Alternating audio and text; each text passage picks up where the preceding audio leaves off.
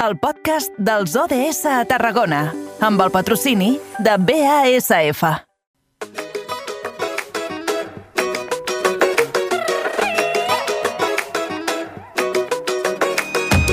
Saber-te els pulmons plens d'aire fresc. Cavall en cada bater. En l'abraç d'aquest bressol. Ballem amb la dansa que porta el teu nom. Sento que es pot néixer de nou.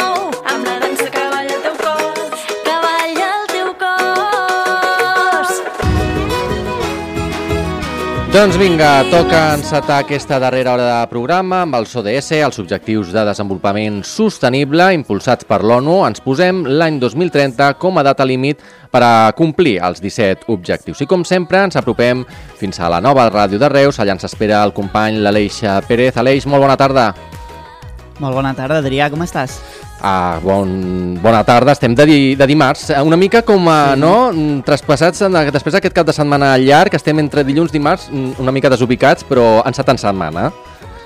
Exacte, és una mica d'impàs, però tot i així això no, no, no ens desvia del nostre objectiu, que és els ODS. I tant que sí. I bé, a- avui parlem d'un d'un tema doncs, que ja va estar a l'ordre del dia durant tot l'estiu passat i inclús la primavera passada, i és que és realment important posar-ne el focus, i és que ens centrem en l'objectiu número 6 destinat a l'ús responsable de l'aigua i l'abastiment.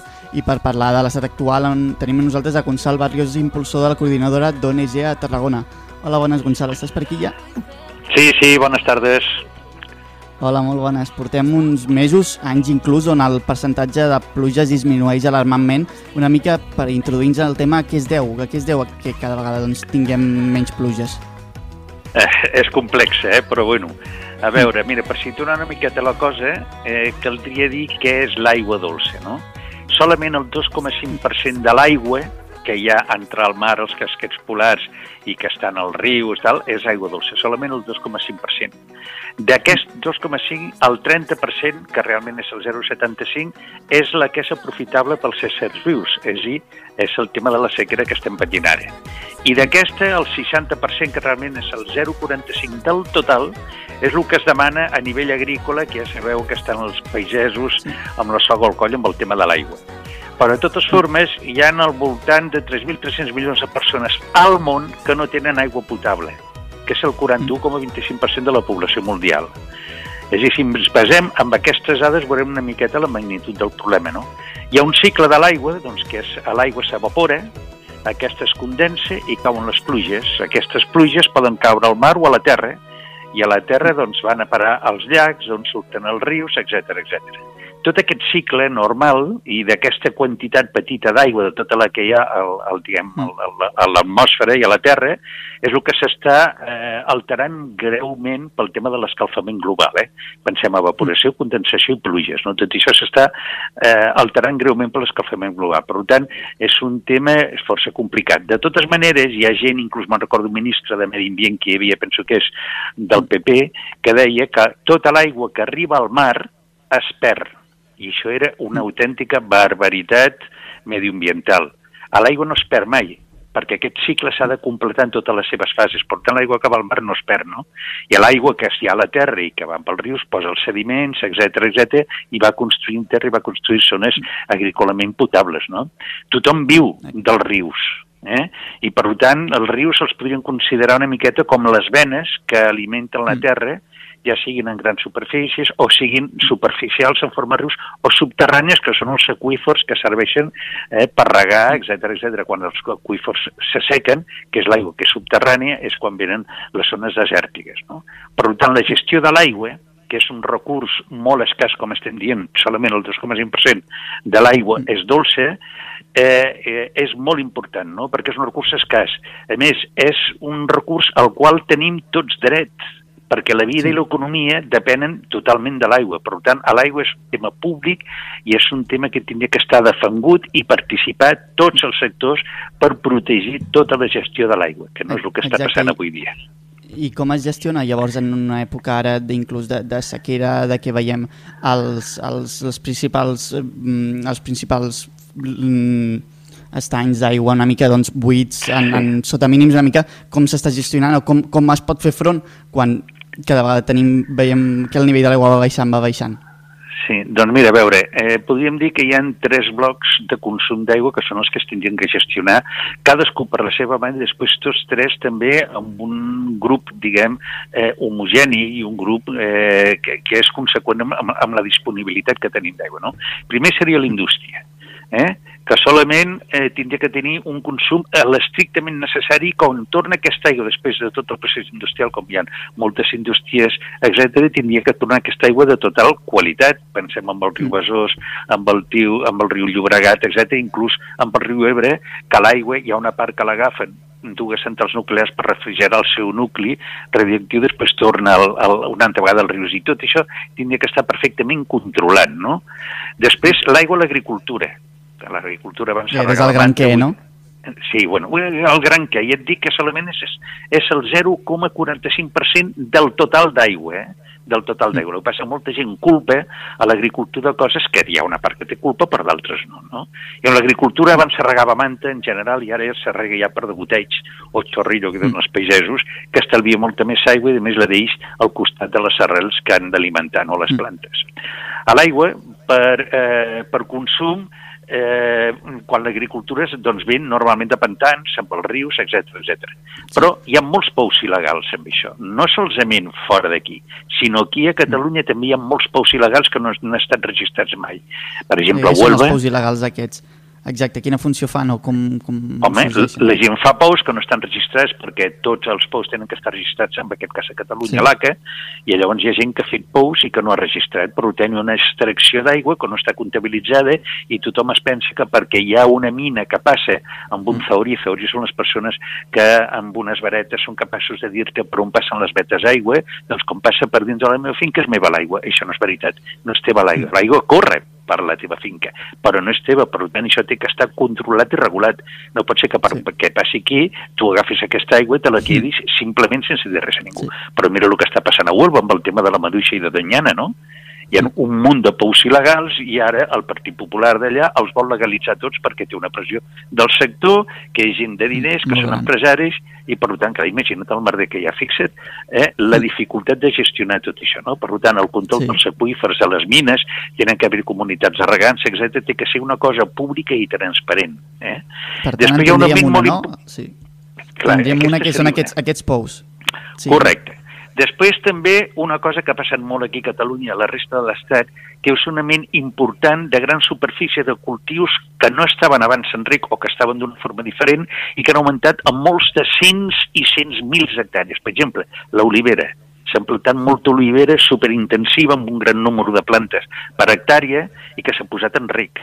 La vinya, que era un cultiu que era de seca, que no s'arregava, ha passat molta quantitat a ric d'hectàrees. A l'ametller, que s'han plantat cents de mils hectàrees d'ametller en aquest país i aquí a Catalunya també, i en aquest cas a l'ametller molt a la zona d'influència del canal eh, Garrigues, eh, Segarra-Garrigues, per tant ja són ple d'ametllers, el pistatxo o el morès, que són cultius que requereixen moltíssima Molta. quantitat d'aigua perquè estan plantats a grans intensitat, és dir, de moltíssimes plantes per hectari, això ha augmentat moltíssim. Perquè ens fem una miqueta la idea, ara donaré quatre xifres, de l'aigua que es necessita, per exemple, per fer un quilo de tomàquets. Per fer un quilo de tomàquets se necessiten 140 184 litros. Per un quilo de pomes, 700 litros. Per un quilo de taronges, 500 litros. Per un quilogram de blat se necessiten 1.300 litros. Per un quilo d'arròs, 3.400 litros. Per un litro de llet, 1.000 litros. Per un litro de vi, 960 litros. Per un litro d'oli, que nosaltres consumidors d'oli d'oliva, 4.000 litros. Per un quilo de vedella, 15.500 litros. Per un quilo de pollastre, 3.900 litros. Per un quilo de porc, 4.800 litros. Imagineu-se, si això ho sumem, tot això és tratet eh, del Museu d'Akbar de les Aigües a Barcelona, un curs que van donar Sí. una jornada escolar que es deia Aigua Virtual. Imagineu-se vosaltres, clar, si nosaltres mirem, per exemple, estic fent comparacions aquí de fora, a Múrcia, que és una zona de secà absolut, que han plantat quantitat de cultius que requereixen moltíssima aigua i no la tenen, per exemple, cítrics, llimons, llimoners, eh, tarongers, etc. També molts ametllers, com deien, que ha passat aquí a Catalunya també, doncs necessiten aigua. Què passa? Que la tenen que treure d'on?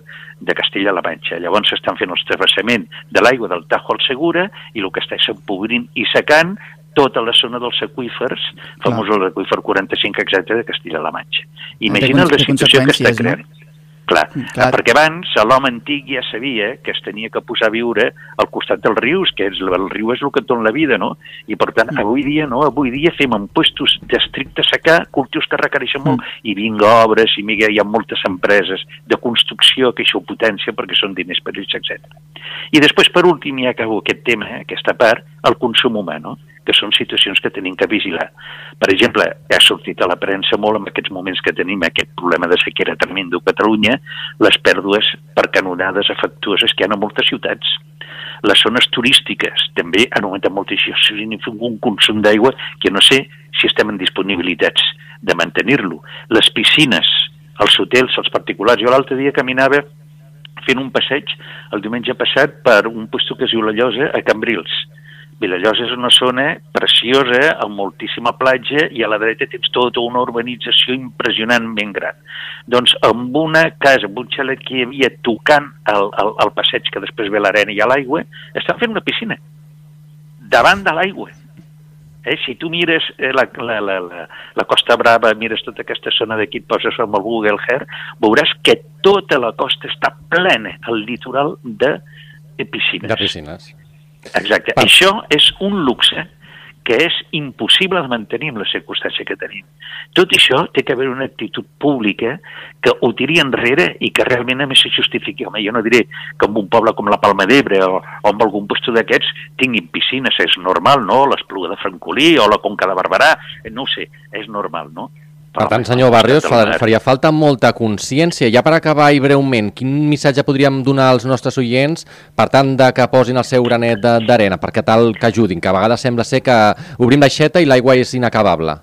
Exacte, doncs mira, primer tindria que ser que l'aigua és una cosa de tots. Eh? L'aigua és un tema de tots, tots tenim dret a l'aigua i l'aigua és l'únic que es pot donar a la vida. Si no, comencen a haver-hi crisis tremendes com la que hi ha a l'agricultura. Per tant, que ser una legislació pública i tothom ho tenim que acceptar. En aquest cas, l'ACA pot fer coses bé o pot fer coses malament, com tothom, però l'ACA és l'encarregada de gestionar i de fer pública l'aigua, de tenir una gestió correcta a l'ACA eh, i a nivell públic correcte i menys instàncies recaptadores, si això també és veritat, però bueno, la finalitat és que a l'aigua arribi tothom en la qualitat que tingui i també ha de servir per la indústria, perquè la indústria també dona feina i, i dona productes que necessitem i ha de servir per l'agricultura perquè també mengem.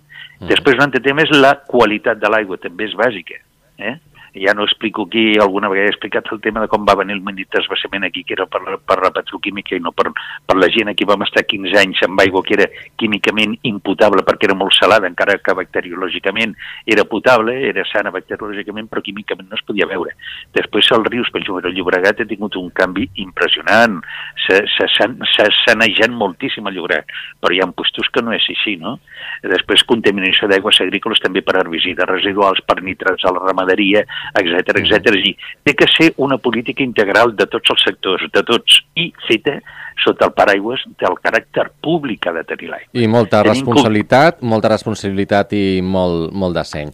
Gonçal Barrios, membre impulsor de la coordinadora d'ONG de Tarragona, nosaltres agraïm que ens hagi acompanyat una vegada més doncs, per donar aquesta consciència a la nostra audiència. Que vagi molt bé, moltes gràcies. Moltes gràcies. Aleix Pérez, company també de la nova ràdio de Reus, gràcies un dia més. Fins demà, que vagi molt bé. Fins demà, vagi bé, Adrià.